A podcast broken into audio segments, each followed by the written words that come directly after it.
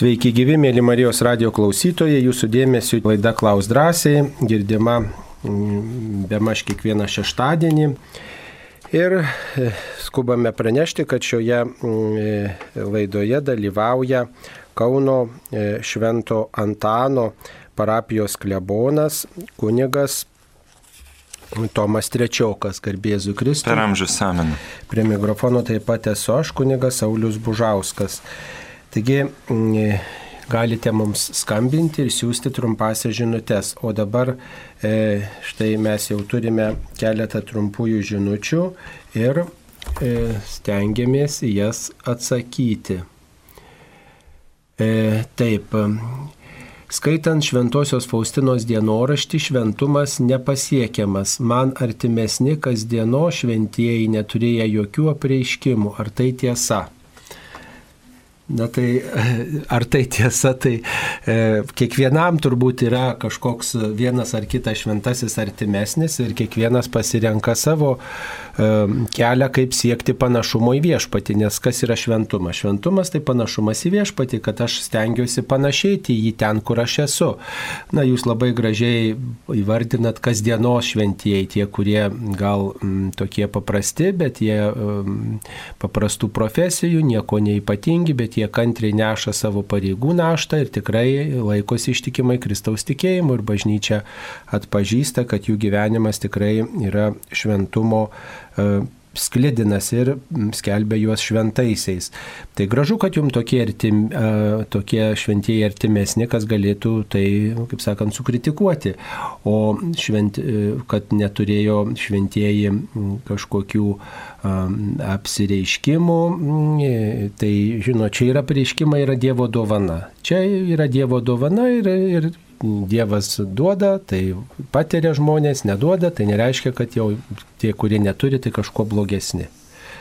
O atrodo šventumo tas kelias, kuris nubrėžtas Faustinos dienoraštyje, na tai, žinot, mes pasisėmėm tai, ką ką randame savo svarbiausių turbūt ir, ir leido viešpats patirti Faustinai, kas yra ir pragaras, kas yra pleistumas, kas yra vienatvė, kas yra e, įvairios, įvairių tų nuodėmių pasiekmės. Na tai E, tai manau, kad mums tai dvasinė prasme yra naudinga. Aišku, viską ten įgyvendinti mums gal ir kebloka, bet e, bent kai ką iš to pasisemti, tai tikrai manau reikėtų ir, ir vienu ar kitu gyvenimo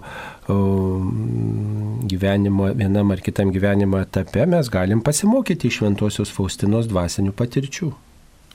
Taip, ir aišku, dar matot, ką mes turėtume labai taip pasižiūrėti, kad ir kiekvieno e, šventojo šventumo suvokimas truputėlį būdavo kitoks.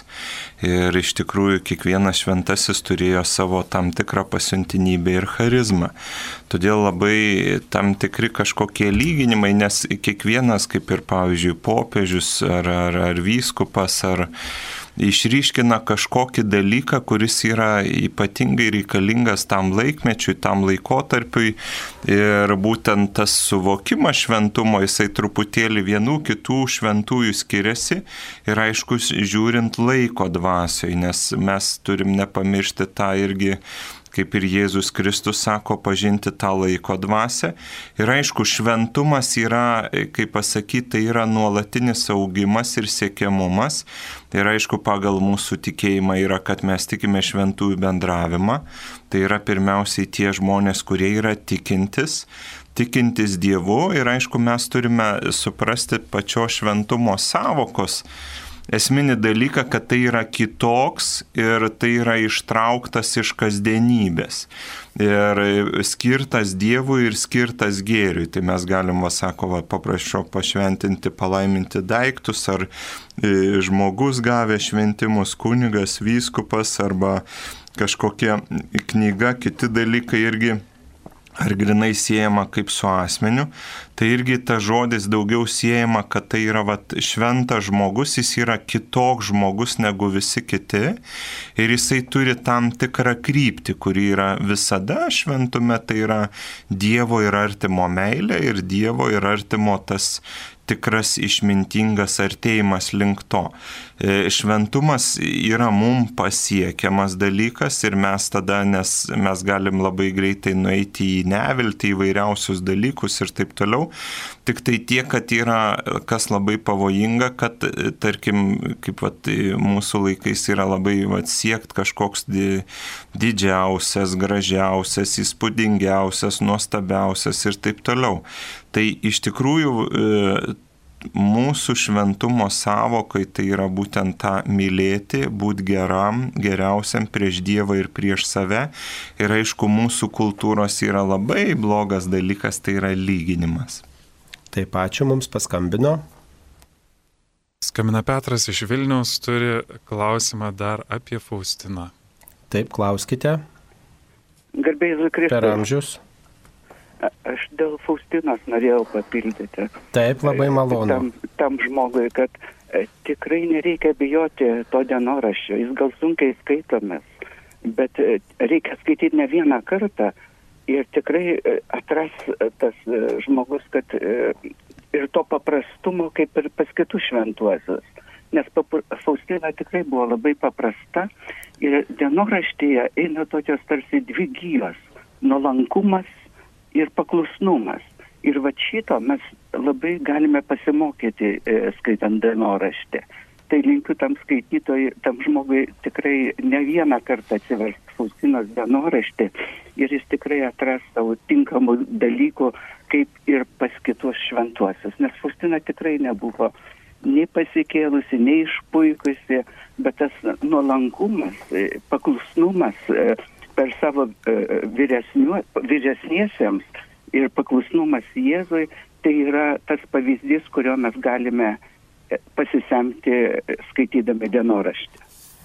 Taip, ačiū Petrai. Na, tiesiog manau, kad mūsų klausytoja tikrai nebejoja Faustinos paprastumu, tik tai, mm, tik tai vat, štai nuogastauja, kad vat, ji turėjo prieiškimų, tai tokiu būdu buvo kažkuo išrinkta, o į daugybę tų šventųjų, daugybė žmonių neturi tuo prieiškimu. Tai vat, tas toks ypatingas apdovanojimas galbūt ją atitolina tam tikrą prasme nuo mūsų, bet tie prieiškimai turbūt duoti tam, kad ir mes suprastume, kad mm, vis dėlto Dievas mm, kalba per kai kuriuos žmonės ir, ir Dievas mm, gana paprastai veikia mūsų gyvenime ir, ir nėra jis nutolęs nuo visų žmonių ir šventumo kelias skirtas visiems.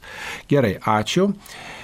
E, taip, kitą savaitę minima šventasis matas, tai žmogus sekęs Kristų, gal tai muitininkas, kas tai per šventasis, vienas iš keturių evangelistų. Taip, be jokios abejonės, šventasis matas, pasak krikščionių tradicijos, yra e, pirmosios naujojo testamento evangelijos autorius. Ir taip prie, prieš šitą sekimą Kristumi, jis buvo muitininkas ir Evangelijoje pagal Morku ir pagal Luką šis asmo vadinamas Leviu. Ir krikščioniškame mene, krikščioniškoje ikonografijoje jo simbolis yra angelas.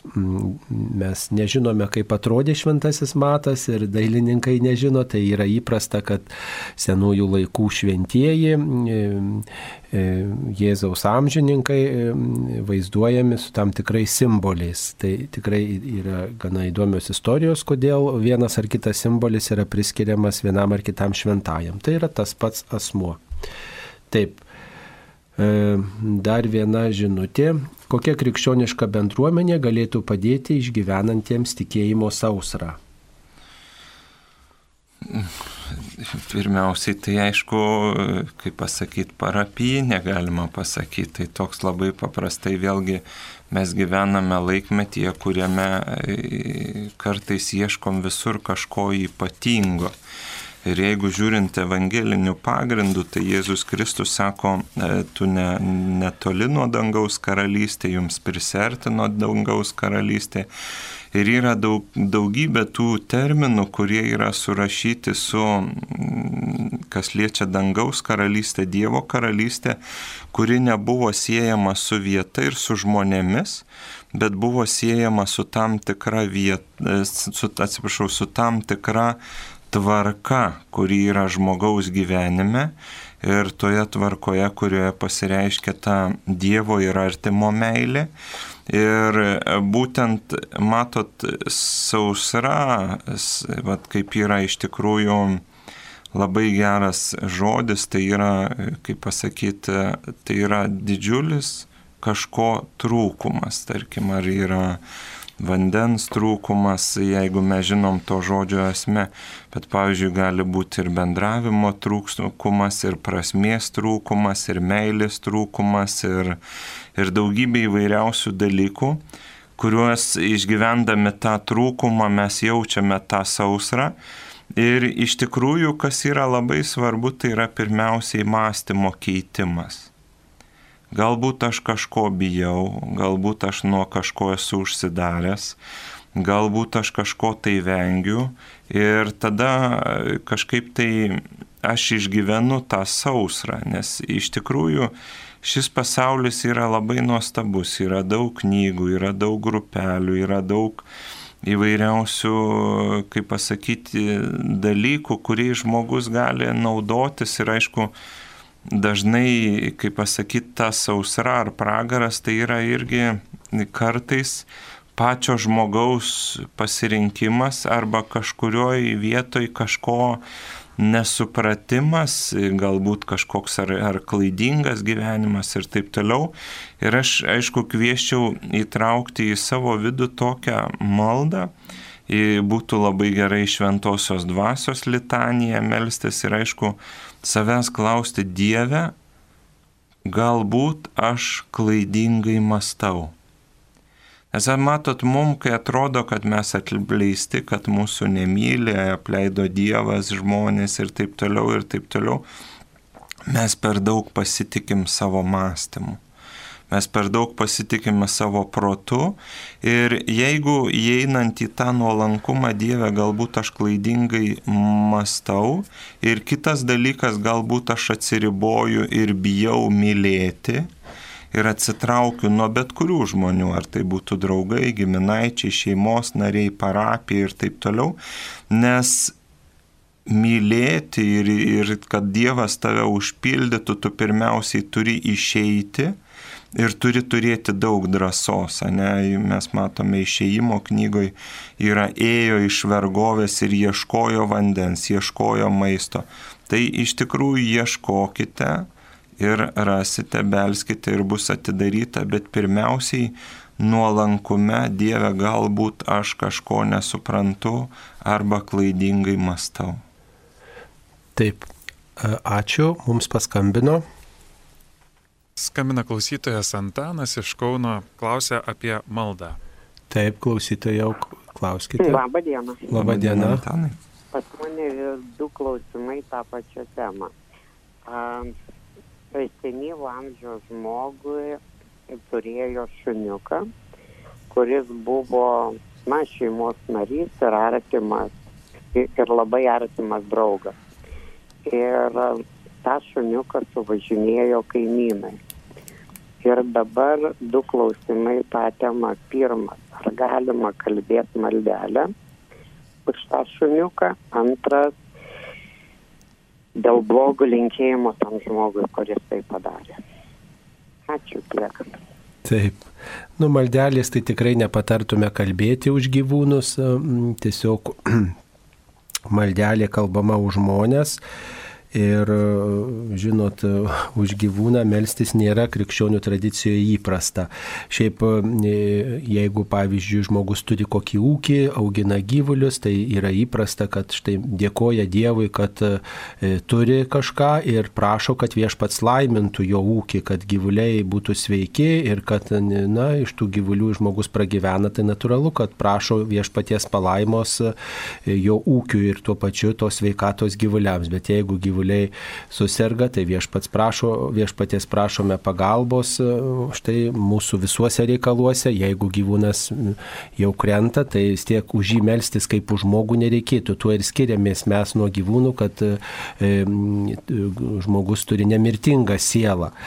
Ir e, maldelę labiau reikėtų kalbėti už tą kaimyną, kuris nutrenkė tą gyvūnėlį. Va čia geriau kalbėti, o ne blogą linkėti. Tai visų pirma, jūs pats būsit ramybė žmogus žmogus, jeigu e, melsitės už tą žmogų, kuris nutrenkė jūsų gyvūnėlį ir kartu jūs linkėsit žmogui gerą ir eisit e, bent jau atleidimo keliu, prašysit, e, kad tas žmogus keistųsi, jeigu negalit jam gerą linkėti, prašykite, kad jis keistųsi, prašykit, kad jis gal atsargiau važinėtų, kad jis nebūtų toks ten gal pasipūtęs, jeigu jis ten tuo didžiuojasi, kad net nutrenkė gyvūnėlį ar, arba ten nekreipia į tai dėmesio, kad jis būtų atsargesnis, jautresnis, supratingesnis, vat, prašyti, kad kitas žmogus pasikeistų, kad Dievas duotų jautrumo, Dievas duotų dovanų jo širdžiai. Bet jokių būdų krikščionių netinka nekrikščionišką blogą linkėti kitam žmogui. Tai yra prieš artimo meilę. Žinot, kad krikščionybės esmė yra meilė Dievui ir meilė artimui. Ir tai yra neatsiejama. Jeigu mes galvojam, kad mylėsim Dievą, o artimą e, kitą žmogų, kuris vat, štai duotas mums tuo momentu, kuris gali ir blogos valios, jeigu mes jam norėsim gerklę perkasti ir jį prakeikti, suniekinti, miltų sumalt, tai nėra krikščioniškas kelias. Mes tada tolstam nuo Kristaus. Ir dar, aišku, labai svarbu prisiminti, kad pyktis ir net leidimas įkalina mus pragare. Todėl iš tikrųjų yra visada velnio šedevras tame, kai kažkas tai blogo atsitinka ir žmogus sąmoningai apsisprendžia pasilikti pyktyje ir net leidime, tai iš tikrųjų išsiplečia tas ratas nepykantos ir visų kitų dalykų, kur galbūt mes nepagalvojom, o galbūt tas žmogus irgi pyko ant šunio ir negalėjo už kažką jam atleisti. Ir jeigu mes pagalvotume vat, apie tą pykčio ir net leidimo ratą, kuris yra įkalintas uždaras pragaras, į kurį visada piktoji dvasia įtraukia labai daug žmonių. Ačiū. Taip, mums paskambino Klausimą turėjo klausytojas Alfonsas iš Šiaulių. Taip, Alfonsai, klauskite. Garbėsiu Kristui. Per amžius. Atsiprašau, kad užkimęs labai. Noriu paklausti štai ko. Ateina pas mane kaiminė, anksčiau čia buvo, ir sako, atėjo pas ją draugė su ašarom akise, sako, ką daryti, vaikai neina į bažnyčią. Anksčiau eidavom sako, mums tokio pikto Dievo nereikia. Ir pasirodo, kad tas piktas Dievas prisiklauso, sako, kaip jisai nuskandino egiptiečius jūroje savo priešus, o liepė mylėti priešus. Sako, kada e, dykumoje užleido gyvatėm žmonės, kandino mirė, kada sako, reikia paskutinę teismo dieną teis, tai vienas statyti dažnai kairiai, o kairiuosius nugrūsti peklą ir amžinai taip, taip. Sako, neina į ką daryti, neina į ką, sako, pikto tokio dievo mums nereikia. Atėjo pas mane klausia, ką daryti. Nusakau, ką daryti, sakau, reikia paklausti kunigų. Taigi ir klausiu, ką daryti tada. Ką daryti? Na tai visų pirma, nereikėtų švento rašto tiesų, visų tiesų priimti taip jau labai jau pažodžiui. Reikia žiūrėti truputį gilesnės prasmės, plačiau žiūrėti, ne tai, kad tiesmokiškai žinot, ar ne, ir, ir žiūrėti plačiau, ką tai reiškia, kokios aplinkybės, kur tai veda, apie ką tai, kokia tai žinia. Aišku, yra tokia liaudės patarlė, nori šunį mušt, lasdą visada surasi. Kitaip sakant, jeigu tau ne, nenori eiti bažnyčio, nenori melstis, tai tada surasi šimtą ir vieną priežastį, kad nesi nesimelščiau. Tai ir čia panašiai. Ne ta priežastis, kad piktas Dievas, tiesiog žmogus, žmogus na, vat, užkliuvo už kažko ir, ir negali jisai žiūrėti toliau ir jam dar netėjo laikas, dar neturi tos tikėjimo malonės. Va ir belieka artimiesiems melstis už tokį žmogų ir, ir tiesiog pakviesti, priminti ir galbūt kalbėtis, e, truputį kitaip kalbėtis, kad reikia klausti, kokia žmogaus gyvenimo prasme, kad žmogus ieškotų ieškotų tiesos, kas žmogui gyvenime svarbiausia, kas laukia po mirties, ne, kuo skiriasi žmogus nuo gyvūno, kalbėti, koks žmogaus gyvenimo tikslas, va, iš kur mes atėjom, ne iš kur kilo žmogus, ne, koks žmogaus unikalumas yra. Ir apskritai svarstyti va tokius klausimus ir, ir, ir tiesiog, nu, gal ir nepateikti atsakymo galutinio, jeigu mes ne, nežinom, nesugebam ar neišeina, nepavyksta kartais mums tą padaryti, bet bet tiesiog su netikinčiais žmonėm tiesiog išlikti tokiais jautriais ir, ir kartu kartu parodyti, kuo aš tikiu, gal paaiškinti, kodėl aš tuo tikiu ir, ir kartu, e, kartu, žodžiu, neatstumti to žmogaus kaip po tokio, bet jam gerą linkėti. Matote, jeigu jau konkrečiai vat, prisimint tą vietą, kurio, kurią jūs čia citavot, kad egiptiečiai žuvo e, jūros bangose, kaip rašoma išėjimo knygoje, Tai, na, žinot, yra toksai ženklas vis dėlto ženklas, kuris perskaitomas dviejopai. Viena vertus žydų tauta išsigelbėjo eidama per jūrą tiesiog ta, ta jūrai nusekus ir tai jie perskaitė kaip tam tikrą Dievo e, paramos palaikymo ženklą.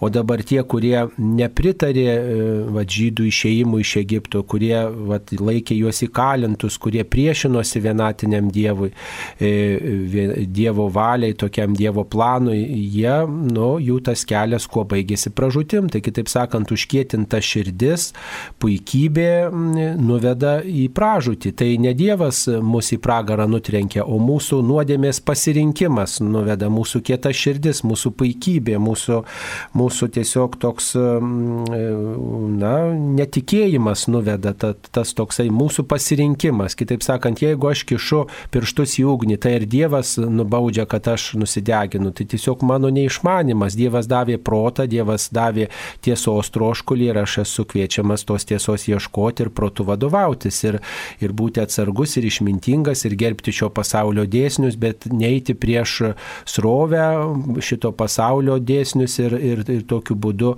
um, tokiu būdu statyti, sakyti viešpatie, kodėl tu manęs negelbsti. Tai yra žmogaus puikybė vat, šitoj vietoje reiškėsi. Ir, ir, na, ir tas tiesiog sukilimas prieš Dievą nereiškia, kad Dievas nubaudžia. Tiesiog jeigu įrašoma šventam rašte, kad Dievas baudžia, Dievas leidžia, Dievas skatina tą daryti, kažkokį mūsų akim piktą veiksmą. Tai yra daugiau m, toks supratimas, ne vis dėlto to mąstymo atskleidimas, kad reiškia, kur nuveda netinkamas gyvenimo būdas, ar ne, kad Dievas kartais užkietina mūsų širdį, e, kad tiesiog mums akis atvertų, ne jeigu tu, reiškia, vat, e, toksai esi žmogus, kuris nepriimi tvarkos, nepriimi Dievo plano, tai štai kur nuveda tavo tas kietumas. Dievas kartais leidžia patirti skaudžius nuodėmės e, padarinius, kad mus apsaugotų galbūt nuo dar didesnės nesėkmės ar, ar nelaimės ar, ar pražūties.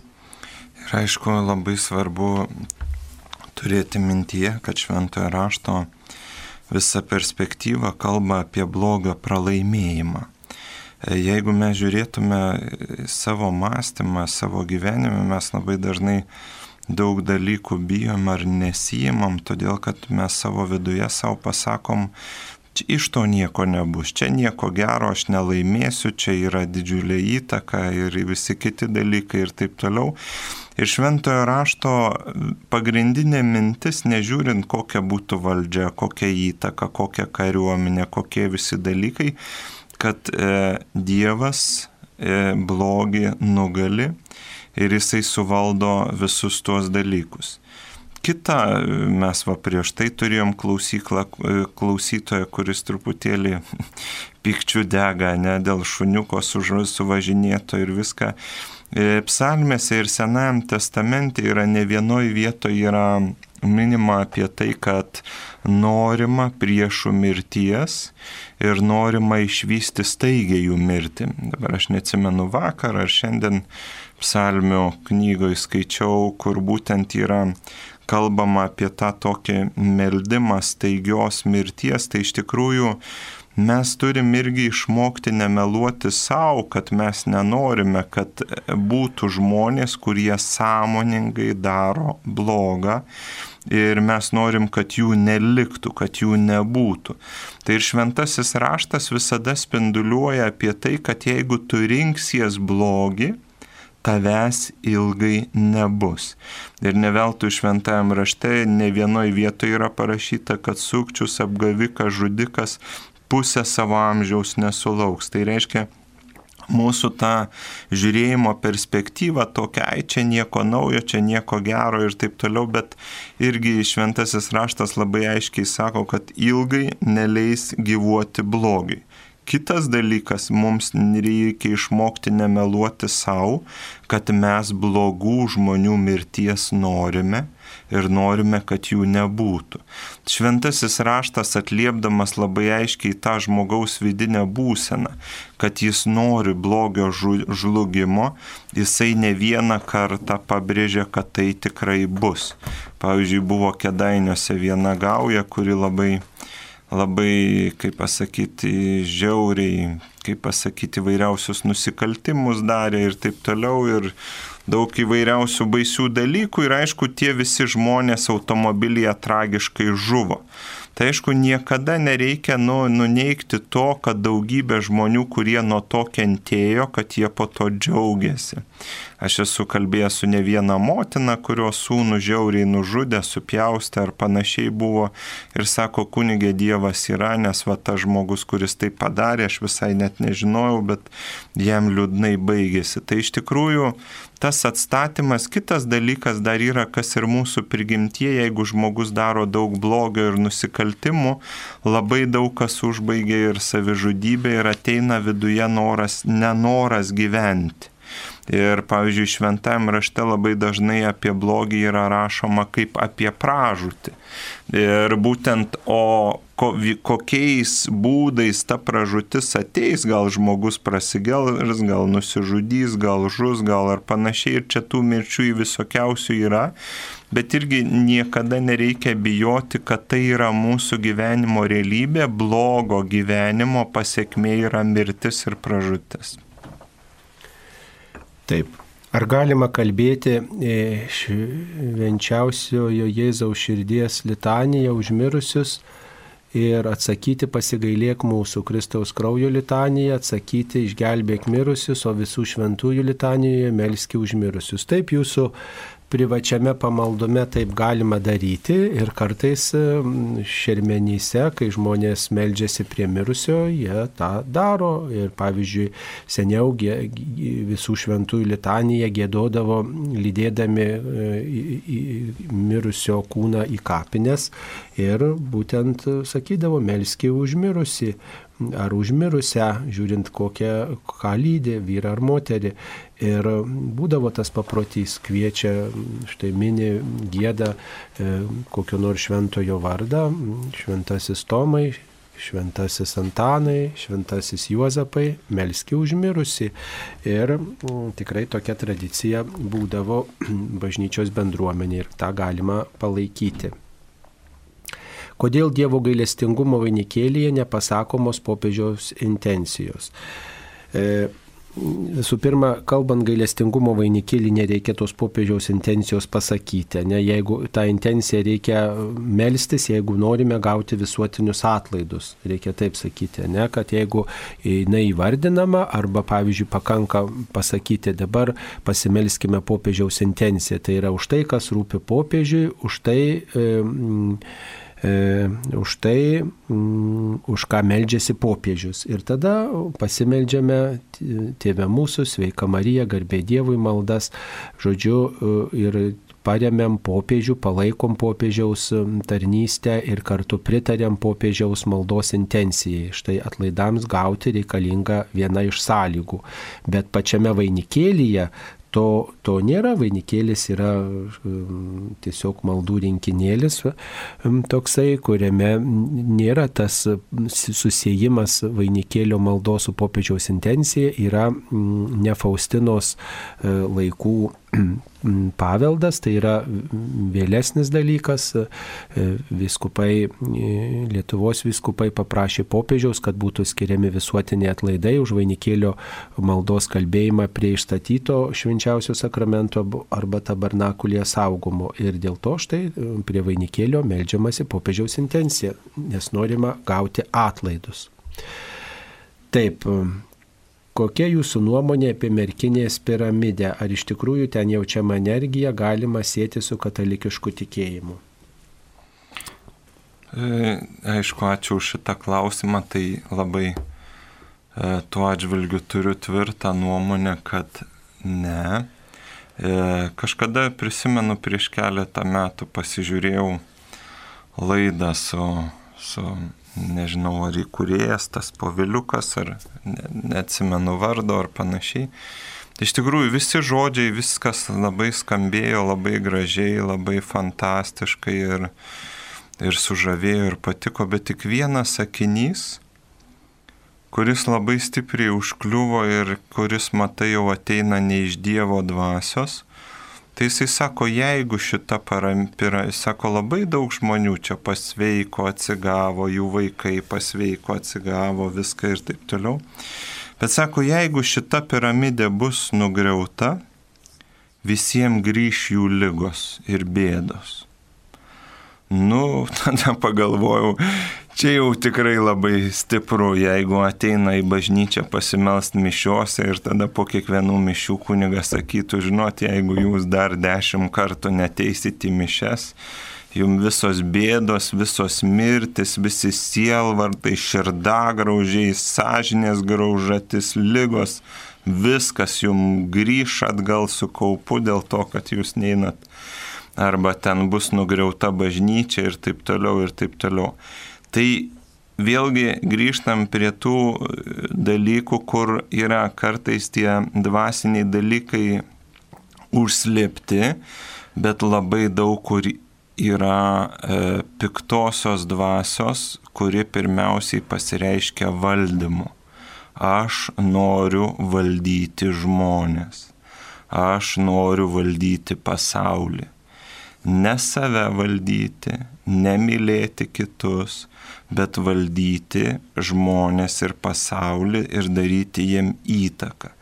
Kartais žmonės turi labai daug ir gražios retorikos, tiesiog įspūdingos retorikos, kurios atsisėdi ir grožijasi, bet visada išlenda tie dalykai, kokia yra intencija, koks yra tikslas ir vad sakau, man labai giliai įstrigo tas sakinys, sako, jeigu ta piramidė bus sugriauta, visiems grįž lygos. Ir aš pagalvoju, jeigu, nu, tėvas, mama turi sūnų, dukrą, kurie pasveiko, tai ten tankus stovės šalia tos piramidės, kad nenugriautų ir kad negryžtų vaikui lygos ar kiti dalykai. Tai čia irgi, matot, visada yra svarbu vadovauti sveiku protu ir viską nuosekliai domėtis ir gilintis. Plus krikščionių tikėjimas svetimas yra energijai.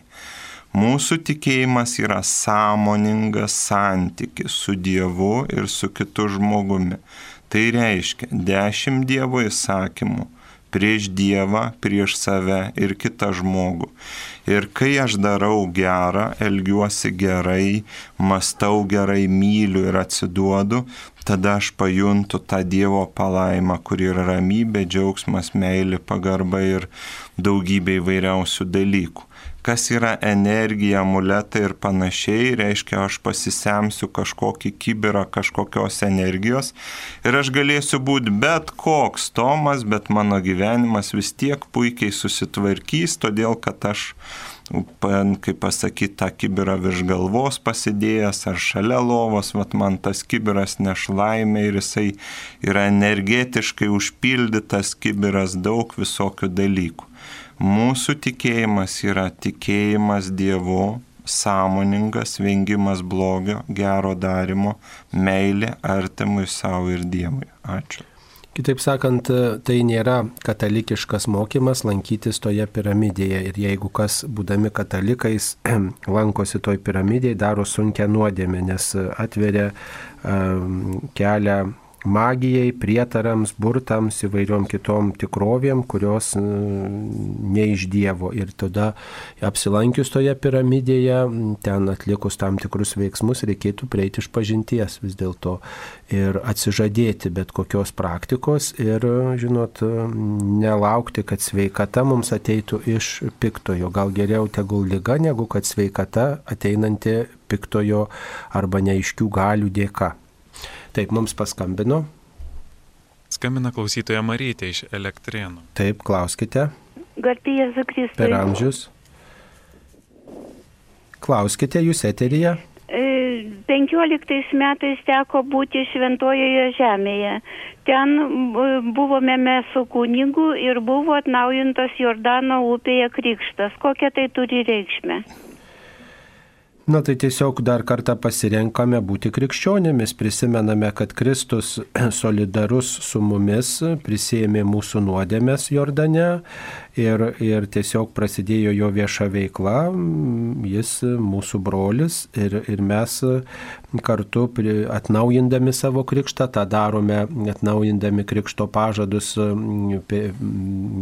per kiekvienas Velykas, didįjį šeštadienį atnaujiname krikšto pažadus ir bendrai kai dalyvaujam, pavyzdžiui, kitų krikštynuose, irgi turime progą na, atnaujinti savo įsipareigojimą būti krikščionėmis. Tiesiog prisimenam, kad mes esam taip pat atgimę, kad gavę tą tikėjimo dovaną, kad esam tapę krikščionėmis ir tiesiog sąmoningai dar kartą pasirenkame tokiais būti, atsižadame blogį ir pasirenkame Dievą. Tai tiesiog graži apieiga, kuri ypatingai šventoje žemėje atlikta, tiesiog primena net ir tą geografiją, tas aplinkybės, kuriomis Kristus tą solidarumo ženklą su mumis prieimė.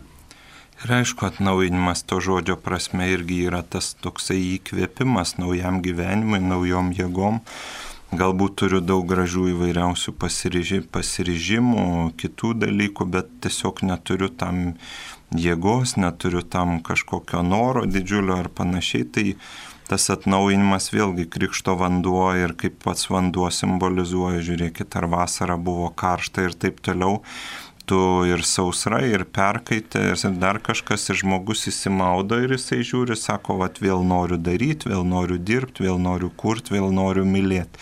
Tai mums irgi labai svarbu, kad krikšto sakramentas ir bet kokia religinė praktika yra skirta tam, kad Dievas atnaujintų mano jėgas daryti gerą ir mylėti kitus. E, taip, mums paskambino. Skambina klausytoja Birutė iš Vilniaus. Taip, Birutė, klauskite. Birutė, jūs eterija, klauskite. Birutė, mus... Taip, Birutė paskambins vėliau, o štai žinutė, ar išliks atidarius Marijos radiją ir koplyčia Kaune, radijas Vilniuje prie aušros vartų. Taip išliks, Vilniuje prie aušros vartų yra Marijos radijos studija, yra daugybė žmonių, kurie ateina į Vilniaus studiją ir ten daromi įrašai, ten vyksta pokalbiai, susitinkame su mūsų talkininkais, savanoriais, rėmėjais, yra proga žmonėms štai patirti Marijos radio artumą ir bendradarbiauti. Tai tikrai išliks, ten taip pat reikės tas patalpas remontuoti, atnaujinti ir aparatūrą atnaujinti, tai visa tai ateityje. E, kaip išgelbėti žmogų nuo paleistuvystės ir šeimų ardymo priklausomybės? Kokie egzortai? Nu tai jeigu pats žmogus nenori iš to gelbėtis, tai jį išgelbėti labai keblu. Pats Dievas žmogaus negali išgelbėti, jeigu žmogus nenori to E, išgelbėjimo, jeigu žmogus nusigrėžia nuo Dievo. Va, tai jeigu kažkas jūsų aplinkoje ardo šeimą ir įnikęs į paleistuvystę, tai tikrai reikia kalbėti su tuo žmogum, reikia kalbėti, kur tai gali nuvesti ir aišku, melstis už jį ir prašyti, kad ir kiti žmonės melstusi, tą žmogų palaikyti kaip žmogų tiesiog, nepritarti jo nuodėmiai, bet tiesiog, na, parodyti gal ne, tokių pavyzdžių papasakoti ar panašiai, kur toksai kelias nuveda. Na, tai aišku, kad kito, kitą žmogų nuo nuodėmės sulaikyti yra labai sunku. Galima gal sulaikyti trumpai, bet jeigu žmogus į tai linkęs ir jeigu apsisprendžia už blogį, tai yra jo pasirinkimas. Ir tai e, nuo to pasirinkimo pasirinkimo kenčia kiti. Tai čia tokia mm, nuodėmė struktūra, kad ne tik tai tas žmogus kenčia arba mm, dar kažkas artumoji, bet ir daugybė žmonių nuo to nukenčia. Ir aišku, labai svarbu, kaip kunigas Saulis sakė, melstis už tą žmogų ir aišku, paleistuvystė yra šių laikų toksai dalykas ir aišku labai svarbu suprasti, kad tai atsiranda iš vidinio tuštumo jeigu žmogus, ta prasme, nebi, neturėtų vidinio tuštumo, e, jo gyvenimas būtų kitoks. Aišku, mes dažnai teisėme, smerkiame, Bet jeigu žmogaus gyvenimas, kaip Jėzus Kristus sako, aš noriu, kad jūs turėtumėte apšiai gyvenimo ir kad jums nieko netrūktų, ir godumas, paleistuvystės, puikybės, pavydas yra dažniausiai vidinis trūkumas vienokių ar kitokių dalykų. Ir labai svarbu iš tikrųjų va tą, kad žmogus ieškotų savo gyvenime tos pilnatvės ir aišku, tie visi dalykai. Krikščionių tradicijoje, dikumų tėvų raštuose, kitur yra raštoma irgi vengti našlių. Atrodo toksai iš, iš, iš vienos pusės krikščioniška tradicija, kuri sako, žinau, pasirūpinti našlėmis ir našlaičiais, bet ki, kitas yra kalbama dėl to, kad, pavyzdžiui, ta moteris neturi ką prarasti ir tiesiog žmogus, kuriam yra labai blogai, jisai su savim gali nusitemti daug ir kitų žmonių. Tad irgi mes labai dažnai priimam blogis tokį, su kuriuo reikia kažkaip tai kovoti kaip kare, bet labai dažnai blogis kyla iš daug, daug gerų dalykų trūkumo. Ačiū. Taip mums paskambino. Skambina klausytoja Romalda iš Alytaus. Taip, Romalda, klauskite. Gerbėjai žaikai. Per amžius. Aš labai norėčiau papasakoti, kaip man buvo nuotykis e, tos merkinės piramidėje. Taip, labai Aš buvau- trumpai, labai trumpai prašom. Taip trumpai, aš e, mane nuvežė sūnus, važiavom iš druskininkų į sanitorijos ir užvežė pažiūrėti. Sako, parodysiu, mama, užvažiuojam. Buvo žiema, pasitiko judas didelis šuo ir įėjom į tą piramidę, žinoma, aš, aš tikinti ir aš tuo, tuo jų piramidę, tai aš netikėjau. Taip puolė eini dairantis, at, atbėgo judas didelis katinas, jis užšoko man ant rankų, taip jauriai pažiūrėjo ir perdrėskė man ranką ir nušoko nuo manęs ir nubėgo, va, kokis buvo velnio atsiųstas piramidėje. Taip, tai tokį, tokią patirtį turėjot, bet, bet kokiu atveju, sakau, tikinčiam žmogui ten apsilankius, ar aš tikiu, ar aš netikiu, ar aš ten ką dariau ar nedariau, vis dėlto reikėtų to atsižadėti, e, einant iš pažinties. Tikrai dėl mūsų sąžinės e, ramybės ir dėl to, kad me, mūsų neveiktų jokios e, kitos galios, kad mes būtume ištikimi Dievui, kuris štai apsireiškė per šventą įraštą, kurį mes priimame per bažnyčią ir kurio žodžio stengiamės laikytis, nes bet koks atvirumas, bet kokiom įtakom, na, silpnina mūsų tikėjimą ir atveria duris veikti mm, neaiškioms galioms ir piktai dvasiai. Taip. E, Iš kur kunigai žino, kad Dievas taip ar kitaip elgsis vienu ar kitu atveju, ar turi specialų ryšį su dangum? Taip, kunigai turi specialų ryšį su dangum, nes e, kiekvieną dieną meldžiasi brevijorių, liturginės valandas ir taip pat aukoja šventasias mišes, būdi švenčiausio sakramento adoracijoje, e, galų gale jie studijuoja mm, dvasinį gyvenimą, rengiasi e, ku- kunigystei, tai ir na, padeda mums tą klausą tokią ugdyti, vienas dalykas. Kitas dalykas yra bažnyčios mokymas, kuris ir liudyja kuris ir liudyja apie mm, Dievo veikimą. Štai matom, kaip veikia Kristus šventajam rašte, bažnyčios tradicija tai perdoda, kaip veikia Kristus ir mes žinom štai Kristaus veikimo principus ir žinom, kad viešpats ir visais laikais taip veikia ir, ir tokias gairias mums paliko. Galų gale šventieji yra tie ženklai, kurie primena, kaip viešpats veikia ir, ir jų pa- patirtis tiesiog na, paaiškina ir primena, kad tai nėra pasenę, ką Kristus kalbėjo, kad tai aktualu buvo įvairiais gyvenimo laikotarpiais. Ir aišku, e, jūsų klausime, e, kad Dievas vienaip ar kitaip elgsis vienu ar kitu atveju, tai iš tikrųjų kuningas Saulis gražiai pasakė veikia. Ir pavyzdžiui, aš lygiai taip pat žmogaus galėjau paklausti, ar jūs žinot, kaip veikia ugnis. Turbūt retas žino ugnies formulę. Ar pavyzdžiui, jūs žinot, kad daugybė dalykų pasaulyje dega. Ir pavyzdys, jeigu visas virškinimas skrandyje, viskas vyksta degimo principu, arba, pavyzdžiui, kaip galima žinot, kad ratas sukasi ir taip toliau. Visi šitie dalykai ateina iš vieno labai paprasto dalyko - stebėjimo. Dikumų tėvai, kurie buvo pirmuosiuose amžiuose, jie neturėjo jokio išsilavinimo, jie nebuvo teologijos baigę, jie neturėjo jokių kažkokių ypatingų žinių, bet jie darydavo vieną dalyką. Jie stebėjo savo gyvenimo, žmonių gyvenimo, stebėjo mintis, stebėjo dėsnius ir įvairiausius dalykus. Ir vis dėlto yra tam tikri dalykai dėsningi.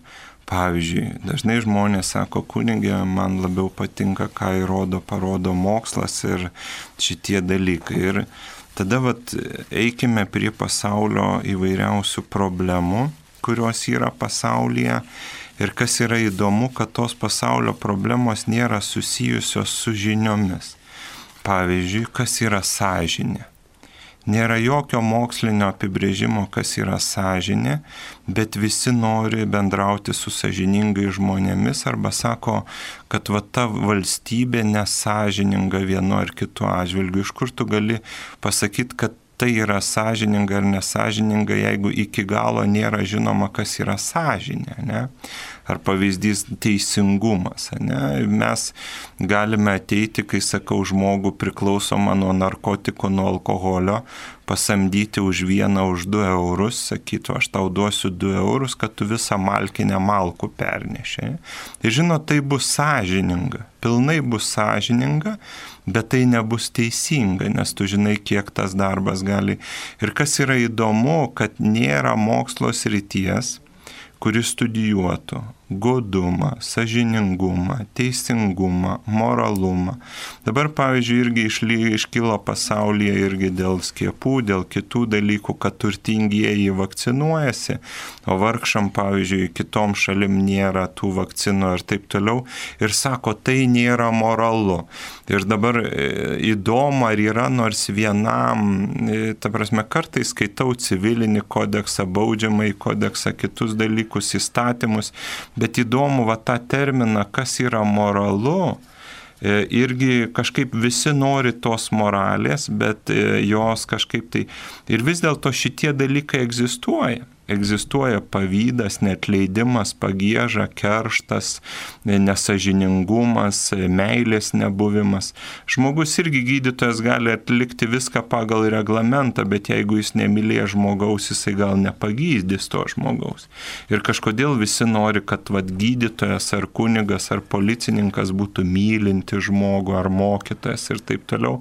Ir vis dėlto yra tam tikri dalykai, kurie yra desningi Ir vėlgi mūsų prigimtinis dalykas, kurį mes pažįstam iš pasaulio tvarkos ir grožio.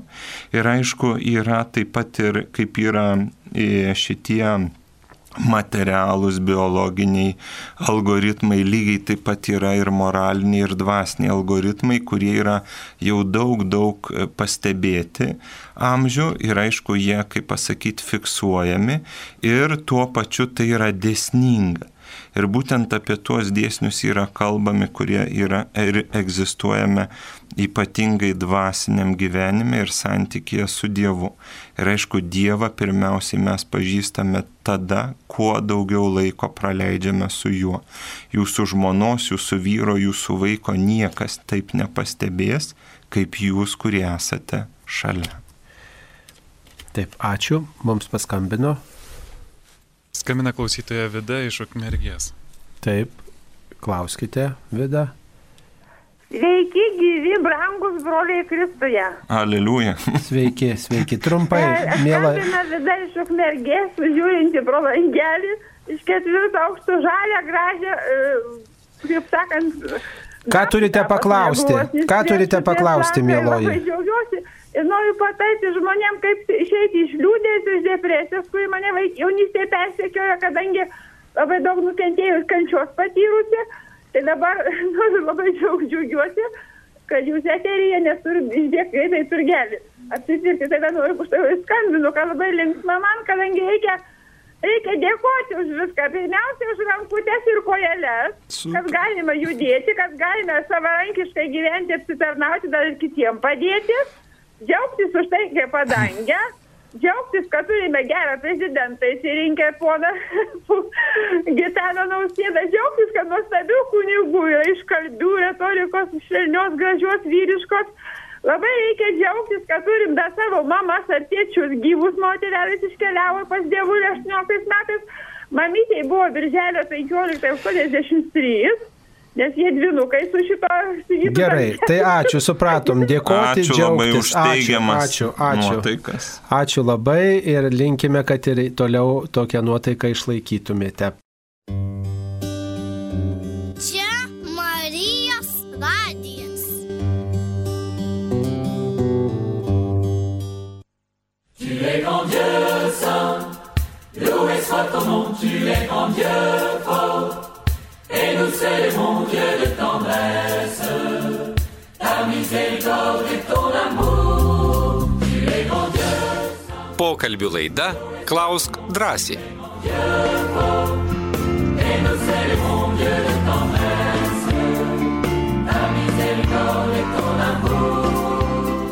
Tęsėme laidą Klausk drąsiai, joje dalyvauja Kauno Švento Antano paduviečio parapijos klebonas kunigas Tomas Trečiaukas, taip pat prie mikrofono esu aš kunigas Saulis Bužauskas. E, štai tokia žinutė mums atsiusta.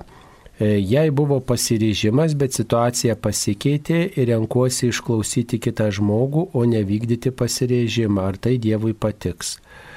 E, Na, išklausyti turbūt kitą žmogų visada yra artimo meilė ženklas. Tikriausiai tas pasiryžimas nebuvo neklausyti kito žmogaus, nes e, tai nebūtų artimo meilės gestas.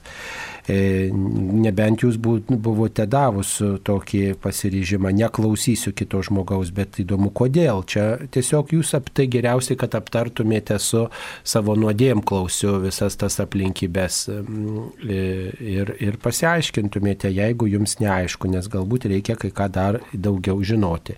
Bet šiaip tai išklausyti kitą žmogų tikrai yra artimo meilės parodimas. Ir aišku, svarbu yra nėra Dievo dvasia. Taip, dabar mm, ar galioja netikinčiojo į Dievą suteikti sakramentai? Na, sakramentus teikia kunigas, o kunigas tikrai yra tikinti žmogus, jeigu abejojat kunigo tikėjimu, tai e, vis dėlto bažnyčia papildo ir tas sakramentas tikrai galioja. E, Aišku, krikštas, pavyzdžiui, krikštyti gali, sakykime, ligoninėje ar kur net ir netikintis ir nekrikštytas žmogus, jei tai daro su e, su ta intencija, ką, kaip tai atlieka bažnyčia, žodžiu, su bažnyčios intencija ir, ir tiesiog, nes paprašė tas e, žmogus ar jo artimieji, kad būtų pakrikštytas. Tai mm, galioja, mm, sakramentai galioja, nes jie, mm, jie, jie primena viešpaties veikimą, e, tiesiog net jeigu, pavyzdžiui, teikia kunigas, kuris turi sunkių nuodėmių, vis tiek sakramentai galioja, bet tai yra, taip sakant, to žmogaus vis dėlto atsakomybė prieš Dievą, o mes, kurie su tikėjimu juos priimame, na tai mums jie ir galioja ir veikia mūsų gyvenime. Taip. E, ar etiška, ar krikščioniška, kaip per televiziją dažnai rodo, kaip veterinaras atlieka šeimininkų mylimo augintinio eutanaziją ir žudimas pateikiamas kaip gėris. E, Na, aišku, kad čia yra labai jautrus klausimas, e, tas, ta gyvūnų eutanazija. Taip reikėtų čia pla, plačiau gal kažkaip laidos atskiros apie tai kalbėti. Aišku, tas rodimas, kaip gyvūnėlis ten kankinas ir kaip gyvūnėlis merdėja, tikrai nėra turbūt tinkamas dalykas. Ir, ir nėra etiška turbūt tą per daug rodyti. Bet, na, matot, turbūt reikėtų eiti eiti vis dėlto plačiau ir žiūrėti taip daugiau, kad vis dėlto ar iš viso žmogui etiška, ne tiek daug dėmesio skirti gyvūnams, taip juos puoselėti, auginti savo artumojo, paskui štai nusibosta, jau nori išmesti, nori kažką daryti. Vat reikia truputį iš toliau žiūrėti, kodėl anksčiau nekilo tas klausimas apie gyvūnų eutanaziją, ne? nes gyvūnas gyveno, jisai tarnavo žmogui ir jisai krizdavo savo mirtim ir nereikėjo ten jo, jo kažkaip marinti, o pradėta ten vesti įvairios tos veislės, žinot, ir, ir tikriausiai na, ta gyvūnų sveikata va, tokia jautresnė, tų, tų tokių labai jau įvairių rafinuotų tų veislių turbūt ir, ir, ta, ir ta gyvūnų, gyvūnų sveikata nėra tokia stipri. Ir kartai tas klausimas iškyla, žodžiu, kad štai gyvūnas susirga įvairiausiomis lygomis tenais ir, ir ten tos lygos įvairiai reiškėsi ir, ir taip toliau. Ir čia, čia va dabar ką daryti su tuo. Vieni tą gyvūną išmeta likimo valiai, palieka, kiti, kiti va kelia ar eutanaziją geriau žudimas jis nėra gėris, jis yra tik tai galbūt priemonė kažkaip tą gyvūną, vis dėlto to gyvūno kančias kažkaip sutrumpinti. Bet e, tą demonstruoti, tą žudimo kultūrą kažkaip plėtoti ir tokiu būdu pratinti, kad ir žmonėms galbūt tai bus tinkama, tai nėra išeitis, manyčiau. Tikrai nereikėtų vis dėlto mums e, afišuoti tokių dalykų ir plėsti to, tokios žudimo kultūros, nes paskui mes pritaikom ir, ir, ir mūsų, e, mūsų gyvenimui tą. Taip, mums paskambino. Skambina laimutė iš Klaipėdos. Taip, klauskite. Garbėjus Kristai. Per amžius. Aš tai tokius du rimtus klausimus turiu. Taip. E, pirmas klausimas toksai, ar galima duoti mišes, e, giminė yra musulmonų, užmirusius musulmonus. Vienas klausimas. Taip, mišios. Ar jūs girdat? Taip, girdim, girdim, mišios už musulmonus. Paprastai mišios yra aukojamos už Kristų tikinčių žmonės. Ir, ir mišių tekstai apie tai kalba. Jeigu, pavyzdžiui, giminė yra musulmonų, tai mes melžiamės už visą giminę. Va, ir, ir melžiamės apskritai už, už, už tos visus giminės žmonės ir Dievo malonė paliečia taip, kaip reikalingiausia tos giminės žmonės. Tai va taip atsakytume, žodžiu, melstis už visą giminę, o šiaip tai mišiuose mes kita vertus intencijos kelbiamos įvairios pačiose mišiuose ir mes melžiamės ir už Dievą tikinčius, ir už ir už mm, e, tuos, kurie nekrikščionys, ir, ir už tuos, kurie Dievą pripažįsta, ir už tuos, kurie Dievą nepripažįsta. Tai tiesiog mes įvairias intencijas atnešam. Tai, tai mm, taip jau visuotiniai maldoje, aišku, galima paminėti įvairiausios mūsų intencijos, kurios linki gerą kitam žmogui. Tai taip atsakytume. Taip. Bet aš pati paruošiau amžinybę, atvežiau kunigą, mes atvežėm tą, tiek sudrapalino vieną, reiškia, tie demonininkai ir girdė ir viską ten darė. O koks kitas klausimas būtų? Kaip čia tą dalyką paaiškinti, supras, kad kiti jauni žmonės neįkliūtų. E, nelabai supratom klausimą, gal galit pakartoti klausimą? Klausimas toksai E, kodėl taip atsitiko, kad mano pusbrolis stovėjo, stovėjo šalia draugų, čia jie kartu užaugo, o tie davė priesaiką demonui. Taip. Demonui. Paskiau metų eigoje nesėkmės, jie ant rytojaus, reiškia, jau vėliau biški, e, bėgo pirkti kryžių į namus, priesaiką Dievui, Jėzui duoti, jie nedavė priesaikos, tik tai kiti draugai davė. Nu tai ir paėmė e, tą, e, ir išmerė vis tiek, visi tie, kurie nedavė priesaikos. Visi iki vieno. Keli ten jie keturi ar penki buvo draugai kartu, augo viską, žaisdavo futbolą. Tie sugalvojo kiti duoti priesai, kad gerą kažkokį tai. Jie savo vaikšto ir kokia, ką tas reiškia, kad ne, neįkliūtų kiti jauni žmonės į tokias žabangas. Nu, A, tai jūs tiesiog norit e, tiesiog pasidalinti tokiu liūdėjimu, kaip suprantu. Nu tai iš tikrųjų, kad yra piktoji jėga reali ir kad negalima žaisti su ta piktaja jėga, su, su, su velniu negalima žaisti ir, ir prisiekinėti ir užsijimti lengvabūdiškai, tai čia faktas, ypatingai kai žmogus nutolęs nuo tikėjimo praktikų pradeda, e, kad ir žaisti arba stebėti visokius tokius ritualus ar, ar, ar, ar tarnystę piktai dvasiai, tai aišku, kad jisai jau taip netenka Dievo apsaugos, kai nesimeldžia, kai nešvenčia sakramentų, nestiprina savęs, nesimaitina, jis yra pavargęs, išalkęs dvasiškai, jeigu taip galima sakyti, ir labiau pažeidžiamas piktosios dvasios. Viena, kai, kai tikinti žmogus štai mato, kad va, štai kažkokios yra net atliekami ritualai ir kita, kai, kai, kai tą daro visiškai abejingas tikėjimui žmogus arba nutolęs nuo Dievo, tai tada jis yra daug labiau pažeidžiamas ir natūralu, kad tai yra didžiulis pavojus. Ir, ir visi, kurie dalyvavo tokiuose peigose, tai tikrai ne tik turėtų Dievui priesaikas duoti, bet švesti susitaikinimo sakramentą, prieiti iš pažinties, lankytis bažnyčioje, melstis, priimti šventą komuniją, žodžiu, ta, atnaujinti savo santyki su Dievu, jei nenori būti piktojo kankinami, skriaudžiami. Taip, tai e, dabar toliau turime keletą žinučių ir e, bandysim jas atsakyti. Ką daryti, jei vienas žmogus nuolat mane žemina ir skaudina? Ar turiu kentėti ir toliau ir su juo bendrauti? Tai iš tikrųjų ačiū, labai geras klausimas. Tai pirmiausia yra apsiginti.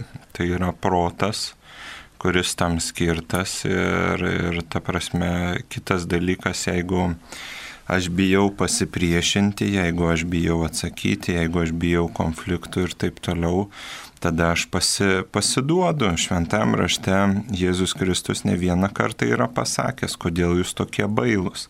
Matot, mes kartais kaltinam žmonės ar kitus net ar smurtautoją ar taip toliau, bet iš tikrųjų yra visada mums duotas protas, jeigu yra fizinis smurtas, kviečiam policiją, jeigu yra psichologinis arba emocinis smurtas mes truputėlį turėtume sustiprėti, kažką pasiskaityti ir aišku atremti tuos dalykus.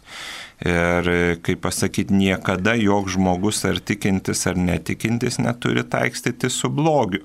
Matot, kur yra dažnai kalbama apie nuolankumą ar kitus dalykus, tai dažnai aš sakyčiau, vat, e, mama sunkiai susirgo, tėvas sunkiai susirgo, ar neįgalus sunus, ar dar kažką. Tai yra nuolankumas, e, kad tu, žinai, padėti kažkaip tai ar, ar panašiai ir taip toliau, ar kažkokios kitos. Bet kitas dalykas, kai yra žmogus, kuris kuris sąmoningai daro vienokį ar kitokį blogį, visada jam reikia pasipriešinti ir aišku ir ieškoti tų būdų, melstis už tą žmogų, bet aišku ir realiais veiksmais, kaip aš galiu pasipriešinti tam, kaip pasakyti, tam blogiu. Ir aišku, vat, kaip yra labai vienoj knygoje gražiai skaičiau, sako, jeigu tu žmogui pasakysi, kad tu mane skaudini ir aš ant tavęs pykstu ar panašiai, jisai gali nekreipdėmėsio. Bet jeigu tu jam pasakysi, kad tavo žodžiai mane veikia kaip, žinai, žvejybinis kabliukas įsminga į odą surudijas, tada žmogus galbūt labiau susimastys, kokį skausmą sukelia. Ir dažnai yra mes e, tingime mąstyti ir, ir kažkaip tai, vad, kaip yra kažkokia vienokia kitokia problema kaip ją spręsti. Ir vėlgi evangeliškai tiesa padarys jūs laisvus, atskaitos taškas yra kokia situacija ir kaip aš ją galiu spręsti. O bendrauti su tuo, kas sąmoningai daro blogį, tai yra mazochizmas. Taip, ačiū. Toliau žinutės žvelgėme, ar rekomenduojame, rekomenduotumėte nuvykti į kelionę Medžiugorijan ar ten vykstantis apsireiškimai tikri, ne iš piktojo. E, taip, popiežius Pranciškus yra mm, leidęs tas e, keliones ir tikrai e, pripažįsta jas dvasiškai naudingomis, oficialiai nėra pripažinti tie apsireiškimai. Bažnyčia tyria dar tų apsireiškimų kilmę, istoriją, tačiau matom, kad dvasiniai vaisiai tų piligriminių kelionių yra nepaprastai nuostabus, kad ten žmonės nuvykę tikrai jie meldžiasi, ten žmonės nuvykę, jie ten kurį laiką net ir gyvendami ir ten specialūs namai yra skirti kylantiems iš priklausomybių, tikrai jie yra maldos nuotaiko ir jiem pasiseka išsivaduoti iš tų priklausomybių ir jie pamilsta bažnyčią, atranda bažnyčios praktikas, maldą, pasninką. Um, žodžiu, e, ir, ir taip pat atranda susitaikinimo sakramentą, sakoma, kad Medžiugorija yra pasaulio klausykla, ten važiuoja žmonės atlieka išpažinti ir įvairiom kalbom, ten kunigai klauso išpažinčių, tai net e, jeigu ir nėra, e, taip sakant, tokio oficialaus apreiškimų pripažinimo, bent jau kol kas vis tiek patariama vykti ir daugybė žmonių džiaugiasi ten nuvykę atnaujinę savo krikščionišką tikėjimą. Marijos radio išplėtimas po pasaulio pasaulį taip pat siejamas su maldos patirtimi Medžiugorijoje. Daugybė žmonių, kurie ten meldėsi štai ir, ir buvo palaikomi mm, štai tos maldos ir tikėjimo, vat, na, tai perskaitė vat, tokį padrasinimą Marijos, kurti Marijos radiją ir galima sakyti, tai irgi vienas iš yra to pamaldumo vaisių. Taip, mums paskambino. Modesta iš Jonavos skambina. Taip, Modesta, klauskite.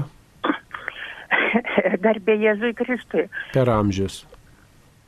Žinokit, man tiesiog aš dabar jau, nu jau sen, sena močiutė, bet prisimenu vaikystėje mano seserį po gimdymo, taip vadinosi įvesdinti bažnyčią. Tai ją tenai kunigas, nu, tipo, man, man tai vaikui atrodė, kad kaip krikština ją. O ar dabar bėra tokių, ar jau panaikintas tas toks po gimdymo moterį įvesdinti bažnyčią? Ne, dabar nėra to tokio papročio ir tai čia sieja man daugiau su Senojo testamento peigomis, kurios dabar jau e, nėra praktikuojamos bažnyčioje. Žodžiu, čia m, tiesiog dar nuo Senojo testamento laikų tok, toks buvo tokia peiga likusi ir katalikų bažnyčioje, bet dabar jinai nėra praktikuojama. Taip. E, dabar dar turime e, keletą žinučių, jas bandysime atsakyti. E, taip. Egzorci, egzorcistai sako, kad virgulės ir kiti burtai yra iš piktojo. Universiteto teologijos dėstytojas kalba, kad virgulės ir adat ant siūlo ne iš piktojo, bet žmogaus mikrojudesių įtaka. Gal galit pakomentuoti? Tai kaip tai galima pakomentuoti, na tai nereikėtų į tokius dalykus e, kišti nagų, tiesą sakant, nes e, nėra tai iki galo ištirta, bet žinom, kad na, dažnai praktikos štai su virgulėm, su adatom, dar su kažkuo tikrai žmogui na, nutolina jį nuo tikėjimo, nuo bažnyčios mokymo, nutolina nuo, nuo Jėzaus, nuo sakramentų šventimo, nuo artimo meilės ir tikrai atveria tam tikrom manipulacijom ir, ir magijai tam tam tikrai ir tam tikroms įtakoms. Akivaizdu, kad tas žmogus, kuris susiminėja tokiais dalykais virgulėm, burtais, nesvarbu, kad jis ten ir mikrojudesius įterpia, jeigu jį paklaustumėte štai pa, pa, apie bažnyčios mokymą, tai iš karto patirtumėte, reiškia, kad ir nėra tos ištikimybės kai kuriuose jo požiūriuose bažnyčios mokymui ir, ir jis savaip interpretuoja daugelį kitų dalykų dalykų. Tai vis dėlto neištikimybės Dievui e, kelias galimas užsimant tokiais dalykais. Tai tikrai nereikėtų vis dėlto kaip sakoma, į tai e, veltis. Ir e, yra žmonių, kurie gal turi tam tikrų ten galių apdovanotų, apdovanoti tam tikrom galiom, pavyzdžiui, ten ieško vandens ir ten jaučia labai, kur čia ten taip ir taip, tai kur ten ta, ta, į kurią pusę ten sviruoja ir ten nusako, paskui va čia biologija, čia fizika, taip ir taip, bet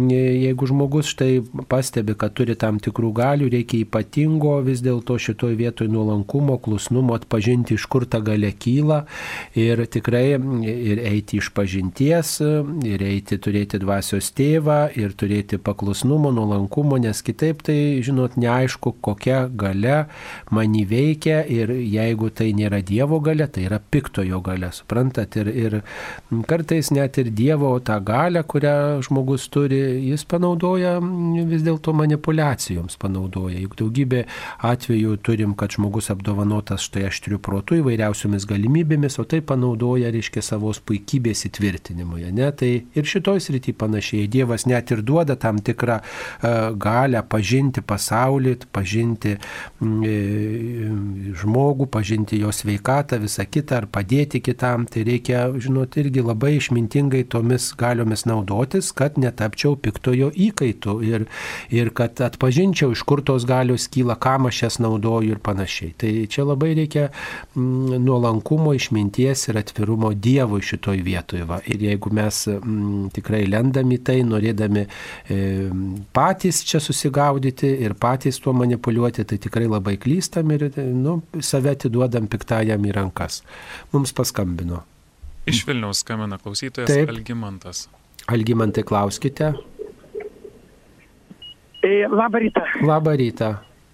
Norėčiau paklausti, tas žegnojimuose, kada mes žegnojamės, e, žegnojamės ir ranką vardant Dievo tėvo sūnaus iš šventosios dvasios amin, dedam ranką į kairę pusę, juk Dievo sūnus sėdėjo dešinėje. Aišku, aš turiu ir savo išmastymus, šiandien tuo klausimu mačiau, norėčiau atsakymą iš jūsų. Kodėl į kairę pusę? Nu visų pirma, kai tariam sunaus, tai dedam ant krūtinės tuo metu.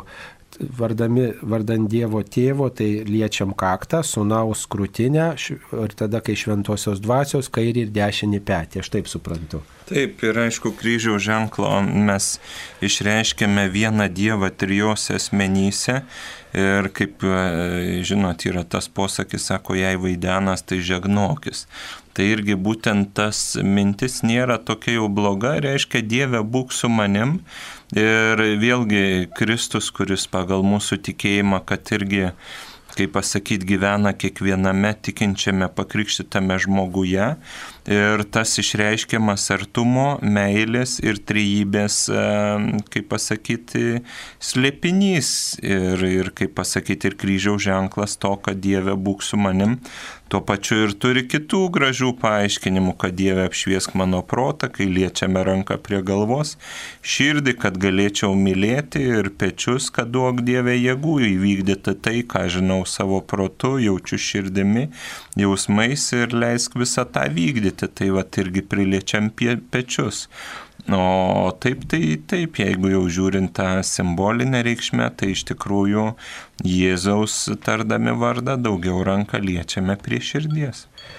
Mato, čia pagrindinis dalykas yra kas, kad aš priimu kryžių kaip išgelbėjimo ženklą, kad, reiškia, ir tokiu būdu išpažįstu, kad Jėzus numirė ant kryžiaus, kad Jėzus buvo Dievas ir kad e, Dievas veikia per šventąją dvasę ir dabar mane pripildo šventosios dvasios ir jos dėka aš Dievą garbinu.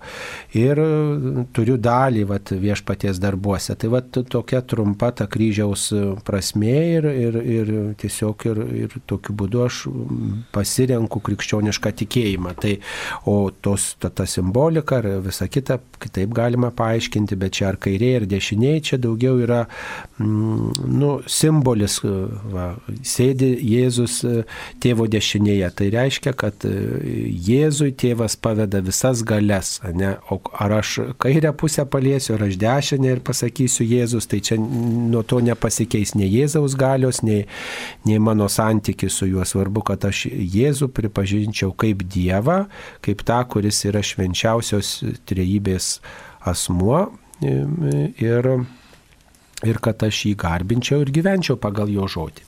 Mano vienas draugas prisimenu sudraudė dukrą, kad jinai sako, tu netai persižegnai. Tai sako, tėtė, aš kairę rankę esu. Taip, kairė rankė žmogus žegnojasi kairė ranka.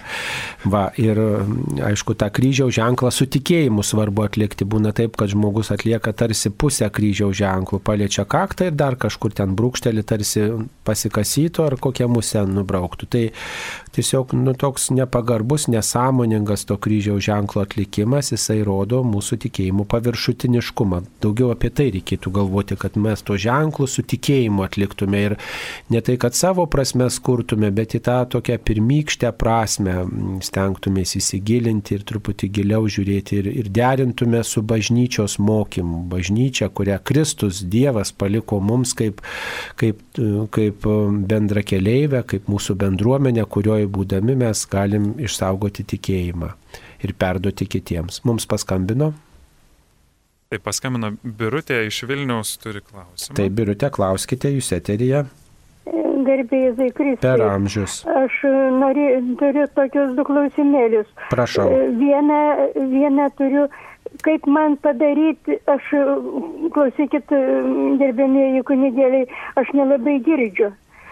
Tai aš bažnyčią labai noriu eiti ir visą gyvenimą ėjau, man jau 85 metai ir labai noriu eiti į bažnyčią, bet kai nueinu į bažnyčią, aš visiškai nieko negirdžiu. Jeigu kokį žodį pagaunu iš Evangelijos, tai žinau apie ką kalbama, nes tas Evangelijas jau žinau, o daugiau nieko aš negirdžiu ir man... Taip. Ir ką daryti, ar ne? E, nutrūko ryšys, mėla birutė, su jumis, ką daryti? Nu tai yra keli būdai. Visų pirma, ieškoti bažnyčioje viet, tos vietos, kur geriau girdite. Pavyzdžiui, atsisėsti prie kolo, kol, garso kolonėlės, kur yra garsiakalbis ir aš geriau galiu girdėti. Ten garsiau paprastai toje vietoje būna. Kitas būdas yra ateiti kuo arčiau, atsisėsti prie kuo arčiau į pirmą suolą, į pirmus suolus, kad galėčiau aš matyti ir tada iš lūpų suprasti, ką kunigas tarė arba skaitovas tarė. Va. E, tai yra būdas, būdas sekti, e, sekti va, tekstą. E, kitas dalykas, net jeigu ir negirdžiu, bet būti toj maldos nuotaikoje, būti toj maldos nuotaikoje. Žinau, kad yra mišios mišiuojiga, žinau, nu va čia kažkas skelbia Dievo žodį. Gerai, jeigu jį jūs išgirstate. Aišku, galima Dievo žodį sekti skaitant iš Magnifikat maldinėlio. Yra tas maldinėlis, kur Dievo žodis yra išrašytas tos dienos ir galima tiesiog skaityti tuo metu, kai skaitomi skaitiniai, skaityti Dievo žodį. Ir m, tiesiog kitas būdas yra būti toj maldos nuotaikoje. Negirdžiu, nesuprantu, bet esu. Ir žinau, kas čia vyksta ir aš tiesiog vat meldžiuosi, esu toj nuotaikoj, klausausi, nors ir negirdžiu, bet vis tiek širdimi klausausi, visų savimi klausausi, visą savo būtim klausausi. Ne? Ir, ir jūs ne dėl savo kalties negirdit, bet jūs esate mišiuose, jūs dalyvaujate, jūs mm, galbūt melžiatės tyliai rožinį arba taip mm, tiesiog melžiatės viduje tylos malda ir mm, tiesiog priimat paskui komuniją, va, tokį širdies gailestį atlikusi, va, priimat viešpaties artumą. Va, grįžus namo galit pasigarsinti Marijos radiją ir, ne, ir dalyvauti šventose mišiuose ir girdėti visus tekstus ir viską, kas yra garsiai, garsiai skelbiama. Tai va tokie būdai, tokios rekomendacijos. Tikrai dalyvaukit mišiuose, net jeigu ir negirdit ir nesuprantat, vis tiek tai yra gyvas ryšys su bendruomenė ir komunijos prieimimas ir niekas to neatstoja. Niekas to neatstoja per nuotolį ar kitais būdais. Tai tas buvimas bendruomenė yra nepaprastai svarbus. Jūs ir liūdėjimą kitiems duodate ir gyvai m, pati m, priimat viešpatį ir, ir kartu, na, ne tik tai protu, bet visą savo esybę, va, tą viešpaties artumą, viešpaties šventimą, viešpaties auką priimat joje esate. Taip. Ar gali maldą, rašytinę maldą atstoti dienoraštis? Dar toks klausimas.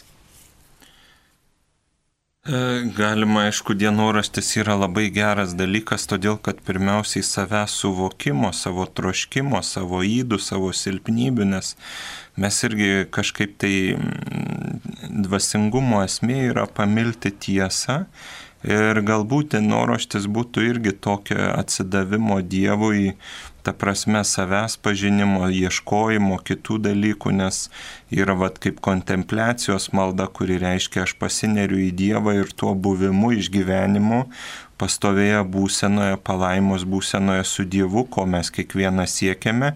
Ir aišku, galbūt dienoraštis galėtų padėti kažką viduje išreikšti. Ir kitas jūsų klausimas yra apie nuoskaudas nukesti. Tai pirmiausia, iš tikrųjų, kas yra svarbu, yra nuoskaudų neturėti nes e, nuoskaudų nukentimas truputėlį yra kitas dalykas ir nes e, vienas žmogus gali dėl vienų kitų dalykų įsižeisti, įsiskaudinti ar panašiai, kitas žmogus numos rankas ir taip toliau. Tai iš tikrųjų nuoskaudų e, turėtų nebūti ir aišku reikia dirbti su savim, kad tų nuoskaudų nebūtų. Ir tas labai padeda, kaip pasakyti, suvokimas. Pavyzdžiui, tu žiūri į žmogų, kad jisai vad mum kunigam pasitaiko ir, ir, ir ateina ir psichinių negalių turintis ir priklausomybių ir įvairiausi sužeisti žmonės ir tu supranti, kad, nu, žmogus kažką pasakė, padarė ir taip toliau ir kad tai jo, jo galbūt ribotas mąstymas, ribotas žinojimas, galbūt e, lyga ir tie dalykai. Ir tada iš tikrųjų tų nuoskaudų jų nelieka, kada mes daugiau įleidžiame suvokimą ir tam tikrą, nu, kaip pasakyti, supratimą. Ir, ir jeigu nuoskaudų yra labai daug, galbūt yra puikybės nuodėmė, nes aš galbūt per daug tikiuosi iš aplinkinių, iš visur kitur, ir jeigu kažkas kažko nepadaro, kažkas kažką ir tų nuoskaudų, renk, kaip pasakyti, renkasi. Kas liečia grubumą, pažeminimus, jūs e, kitam toliau e, rašėte, Tai irgi svarbu išminties, ta prasme, kartais yra žmonių grupė, e, kuri net nesusimasto, irgi labai ramiai pasakyti, vad, tu mane žemini arba tu mane skaudini tokiais žodžiais. Ir tada žmogus kitą kartą net sujuda ir sako, aš nenorėjau to, ne, ne dar kažkas, tai gal tai žmogaus yra įprasta tokia bendravimo forma ir kiti dalykai ir taip toliau. Ir reikia kartais nebijoti žmogui pasakyti, va, man atrodo, kad tu man meluoji, ar aš klystu, arba man atrodo, kad tu nori pasinaudoti manim, arba aš jaučiu, kad tu nori mane pažeminti, įskaudinti, ar yra tavo toks tikslas, gal aš kažką netaip suprantu ir taip toliau, nes mes kartais visi gyvenam savo vidiniam suvokime, kuris gali būti labai klaidingas. Ir kas liečia irgi kartais su grubumu, su kitais dalykais reikia, nu, kažkaip tai yra, yra net tų, tų dalykų, aš mačiau, at vienoj knygoje skaičiau, kurioje rašo apie pyktį, neleiskite apie baimės, kad neleiskite, kad jūs baimę valdytų. Ten yra labai gražus e, pavyzdys, kada e, komandos treneris žemindavo vieną jaunuolį, kuris sportavo komandos klube.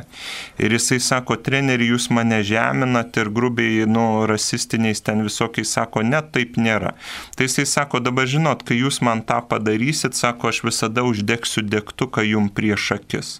Ir vienu žodžiu ten įvyko konfliktas, jie susižodžiavo viską ir tada vyksta kažkas, tai jisai įsitraukia degtuką ir kiekvieną kartą, kai ištaria grūbų žodį ar panašiai, jisai uždega tą degtuką ir jam parodo.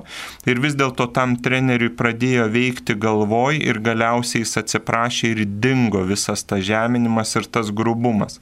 Daugelis žmonių apie tai net nesupranta susimasto ir kažkokį ženklą, kažkokį susitarimą, kažkokius dalykus ir aišku, tame reikalinga visada kantrybė ir pirmiausiai kantrybė neįsižeisti, neįsiskaudinti, galbūt kažkiek pakesti, bet jeigu tai yra nu, labai daug kažko, vis dėlto reikia ieškoti to išmintingo būdo ir kada tas treneris prieš visą komandą pamatydavo uždegtą degtuką, jam pasidarydavo nepatogu, kad jis taip dažnai įžeidinėja sportininkus. Taip, ačiū.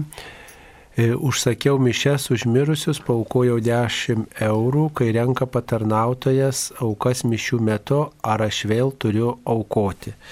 Tai kada aukoti yra jūsų pasirinkimas, e, tai nėra mokestis, kad štai turiu sumokėti ir taškas. Tai tiesiog e, jeigu yra užsakytos jūsų intencija, jūsų artimųjų intencija mišios, O ir tada vis tiek renkamos aukos, tai jūsų pasirinkimas, nes aukų rinkimas per šventasias mišes yra pačios bažnyčios bendruomenės labui. Tai yra o, už, už žvakes, už elektrą, už bažnyčios išlaikymą skiriamos lėšos.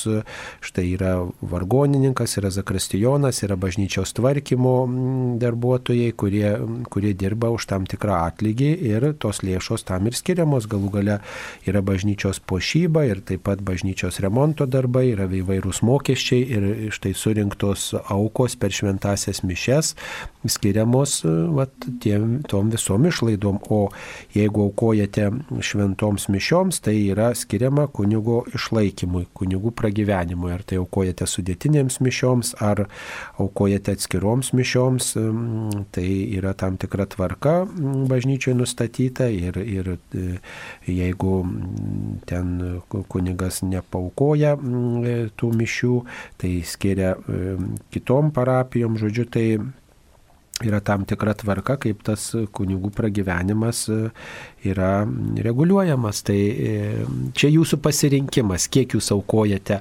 šventoms mišioms ir ar aukojate, ar neaukojate ir kiek aukojate tuomet, kai yra rinkliava. Taip. E, ar tinka melstį, kad mirusieji artimieji užtartų mane iš amžinybės. Taip, tinka melstį ir mes prašome jiems ramybės ir kartu prašom, kad jie, jeigu jie viešpaties akivaizdui, kad mus malda, e, malda lydėtų taip pat.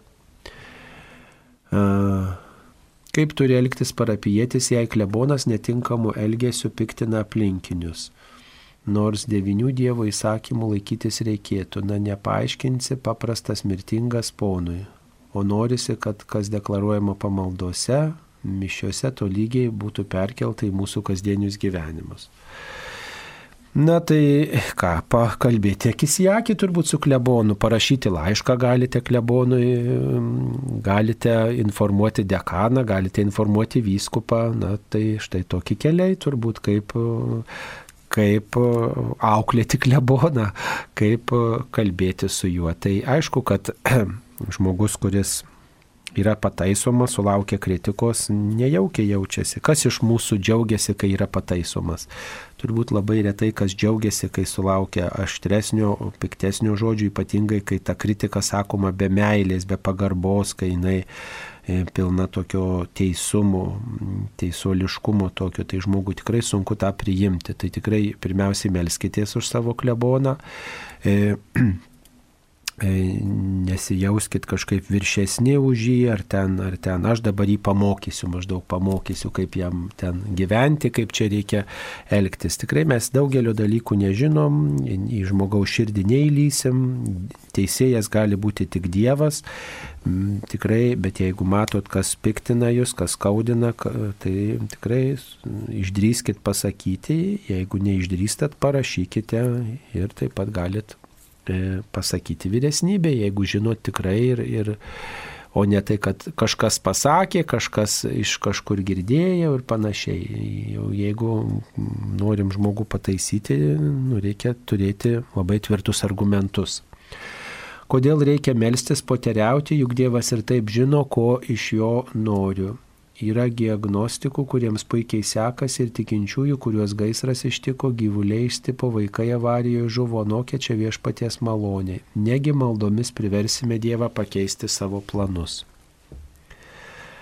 Dievo planų gal mes nepakeisim, bet savo protą, kad nevažiuot išgėrus, kad neviršit greičio, kad išsivalyti kaminą, kad ta prasme yra čia yra labai daug tokių dalykų, kuriuos mes labai darom Dievui. Aš prisimenu irgi vienas vyras išsiskyrė su trim žmonom, turi turi nuo kiekvienos žmogos, žmonos vaikų ir jisai toks piktas ant bažnyčios, ant visko atėjo, kad vat, jis nori grįžti pas pirmą žmoną ir kaip jam elgtis, kaip daryti.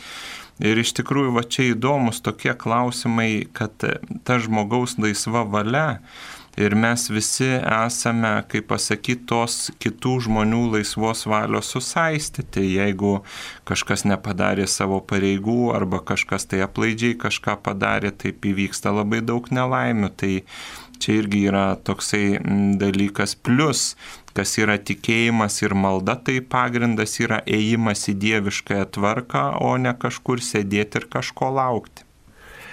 Taip matot, mes nesam sėkmės teologijos e, šalininkai, kad mes melžiamės, jog mums sektųsi. Tai būtų truputį mm, nekatalikiškas e, požiūris. Mes melžiamės todėl, kad norime ryšį su Dievu palaikyti. Norime būti atviri jam, jo veikimui. Patys norime gyventi, kaip viešpats moko ir Dievo daugiau įsileisti į savo visas rytis. O ar seksis, ar nesiseks mums, tai čia kaip jau bus, tai bus gerai. Aišku, visi norime, kad sektųsi ir natūralu, kad to prašome, bet kita vertus mes melžiamės ne dėl sėkmės, ne dėl to, kad, kad viskas čia eitųsi kaip sviestų patepta, bet kad viešpaties artumą pasirinktume, kad mm, su juo ryšį palaikytume. Tai yra kaip, kodėl jūs kalbate su tais, kuriuos mylite kodėl jūs jiems skiriate savo laiko. Nu, ir taip aišku, kad e, kažką reikia daryti, ne, pareigos aiškios, kam ten labai dar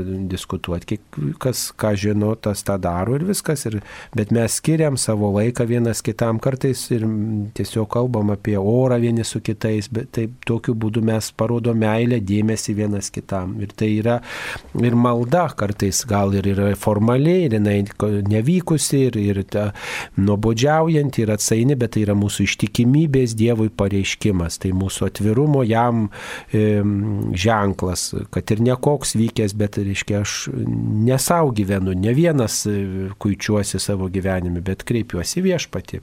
Tai linkim tikrai melstis ne dėl sėkmės, ne dėl malonių. Taip apie beždžionę norit atsakyti. Gerai, kur čia ta beždžionė? Jeigu Dievas sukūrė žmogų, tai kaip jis galėjo kilti iš beždžionės, kaip tvirtina mokslas? Mhm. Tai iš tikrųjų geras klausimas, nes pirmiausiai čia yra nepilnas klausimas ir e, jeigu žiūrint ir tą pačią evoliuciją, kurią dažnai sako, kad bažnyčia neigia, tai pirmiausiai kiekviena rušis tobulėjo savyje.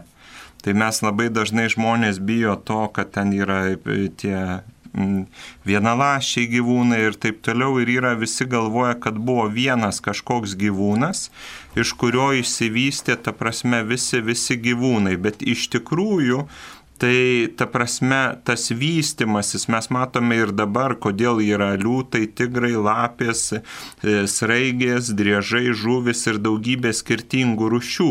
Ir vėlgi tos pačios revoliucijos, ko labai dažnai bijo ir, ir ten kažkaip tai neigia, esminis dalykas yra sąmonė šuolis.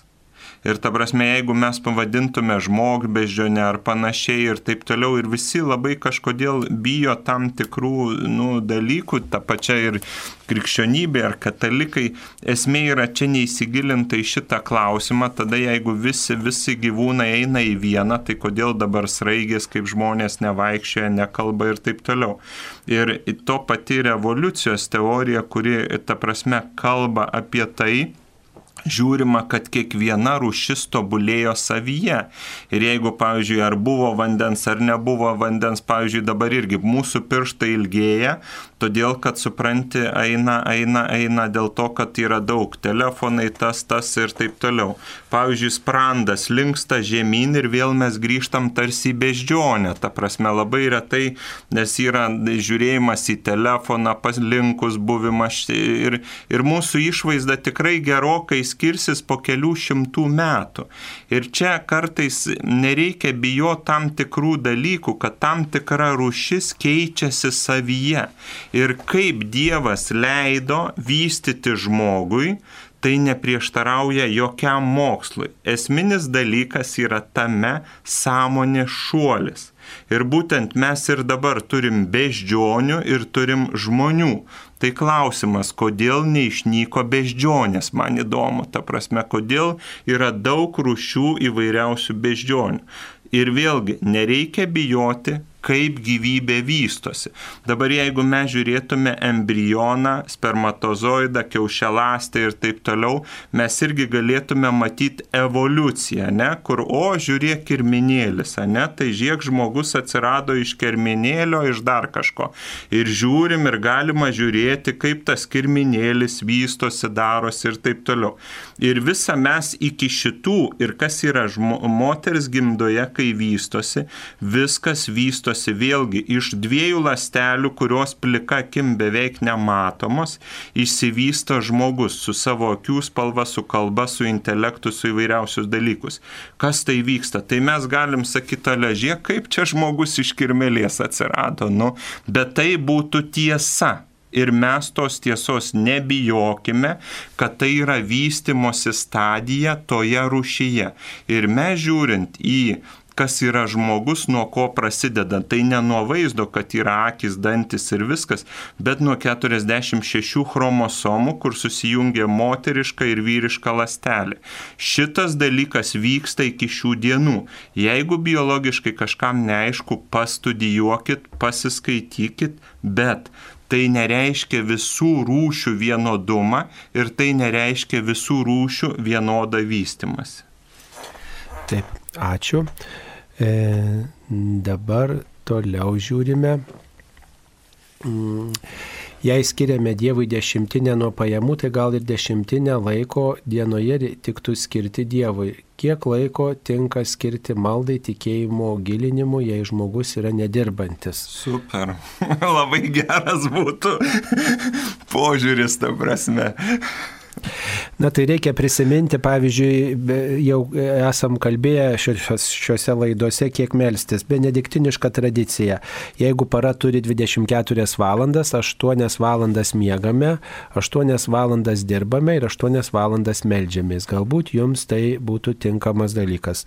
E, ką reiškia nedirbantis? Na tai jeigu neturite pastovaus darbo, eikite savanoriauti, eikite kažkam tarnauti, e, eikite padėti kažkam ar ne, kad nepra, nebūtų prarasti mūsų darbo įgūdžiai, mūsų, e, mūsų socialiniai įgūdžiai. Dabar galima grybauti, galima uogauti, galima dar kažką, kažkokios veiklos e, surasti, malkų prisirinkti žiemai, nežinau, dar kažką, nu, vis tiek kažkuo galima užsijimti, ar ne? Vaistažolių dar prisirinkti žiemai, kad jeigu susirgtume, kad turėtume e, vaistažolių, nežinau, kažkuo kažką daryti, vis tiek reikia žmogui, ne? nes mūsų, mūsų E, iš savo prakaito turim valgyti duoną. Tai, tai tikrai be darbo nesėdėkite, nes e, be darbo žmogus e, na, tampa e, tokiu vis dėlto apgailėtinu padaru. Jeigu jis dėl sveikatos negali dirbti, tai yra visai kas kita, bet jei, pavyzdžiui, neteko darbo ir neieško, tai tada na, vis tiek reikia neprarasti tų įgūdžių, o mėginti vis tiek kažkuo užsiimti. Ir aišku, mūsų tikėjime yra mes tikim bendrų gėrių. Tai kiekvienas žmogus ar šluoja gatvę, ar plauna, ar valo, ar dažo, ar, ar kitus dalykus, tai irgi iš tikrųjų tas jungimasis į Dievo planą, kad visiems būtų gera. Tai va irgi labai svarbu irgi nepamiršti, kad malda yra skirta tam augimui, kad aš jungčiausi į bendrą gėrį, bet tuo pačiu ir kažkokiam kasdieniniam patarnavimui, kiek to galima, net jeigu žmogus guli lovoje, jisai gali labai prasmingą darbą padaryti, kitiem paskambinti, paguosti, išklausyti, pasikalbėti, ko šiais laikais labai trūksta ar užsiskaito kabutėse šventosios mišios, jei jos aukojamos kalba, kurią nelabai supranti. Taip užsiskaito, jeigu jūs sekate, melžiatės ir stengiatės vis dėlto taip pat melstis ir, ir išgyventi ir atgailą, ir, ir, ir ir taip pat ieškote būdo, kaip suprasti ir, ir, ir svarstote apie Dievą, o ne, o ne tiesiog na, gaudote vėjus, kaip sakoma, neusimate visai kitą pašalinę veiklą. Kai kunigas po išpažinties užduoda atgailos sukalbėti vienerius ar dviejus poterius, tai yra tėvė mūsų sveika Marija ir garbė Dievui, ar priklauso dar ir tikiu į Dievą tėvą. E, paprastai, jeigu vieneri poteriai, tai užtenka tėvė mūsų sveika Marija ir garbė Dievui tėvui. Taip, užtenka. E, jeigu kunigas užduoda sukalbėti ir tikiu Dievą tėvą, tai tą ir pasako. Jeigu abejojate dėl to, tai visada sukalbėkite ir nepakenks. Tikrai ne. Ir aišku, jeigu vieną, du, tris, keturis poterius, tai galima tėvę mūsų sveika Marija garbė Dievui tėvui ir kai visi trys sukalbėti, tada ant pačio galo pasimelsti tikiu į Dievą tėvą. Vieną kartą. Tikiu į Dievą tėvą taip. užtenka vieną kartą. Taip. Net jeigu, pavyzdžiui, dviejį poteriai, tai sukalbat kelis kartus tėvę mūsų sveika Marija, bet tikiu Dievą tėvą užtenka vieną kartą sukalbėti, jeigu jūs, e, reiškia, jums taip atrodo reikalinga. E, taip. E, kaip su ateistais. Mama buvo ateistė, kunigas sakė, kad galiu už ją aukoti, užsakyti šventasias mišes. E, nu, matot, jeigu pavyzdžiui tik už mamą mišios užsakomos ir e, mes už žmogų melžiamės e, šventose mišiose kaip už krikščionį, o mūsų mama, pavyzdžiui, mūsų artimas žmogus nebuvo net krikštytas ir netikėjo, tai tada išeina toks melas, ne? Tai paprastai sudėtinėse mišiose mes galim įvairiomis intencijomis melstis, bet jeigu yra atskiros mišios, jos aukojamos už krikščionis.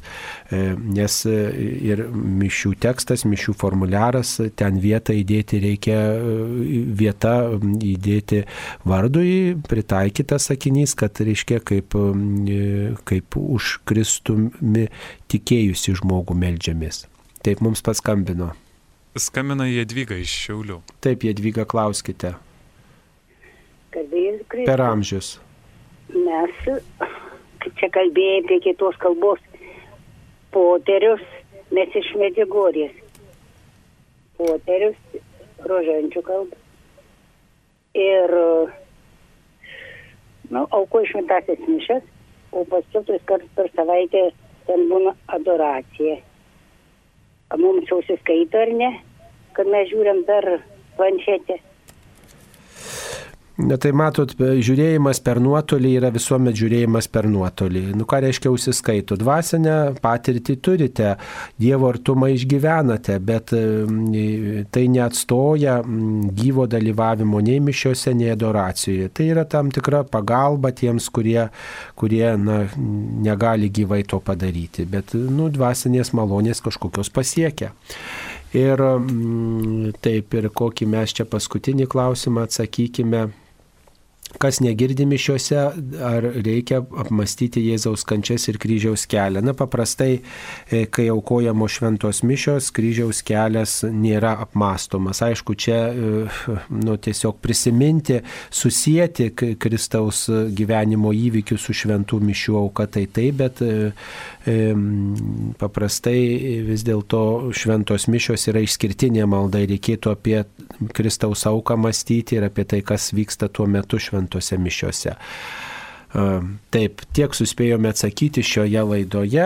E, ačiū visiems, kurie siuntė klausimus, klausėte. Šioje laidoje dalyvavo Kauno Švento Antano paduviečio bažnyčios klebonas kunigas Tomas Trečiokas ir prie mikrofono buvo aš kunigas Saulis Bužauskas. Te viešpats laimina jūs ir te padeda visuomet ieškoti tiesos ir laikyti ištikimybę Dievui. Ačiū sudė.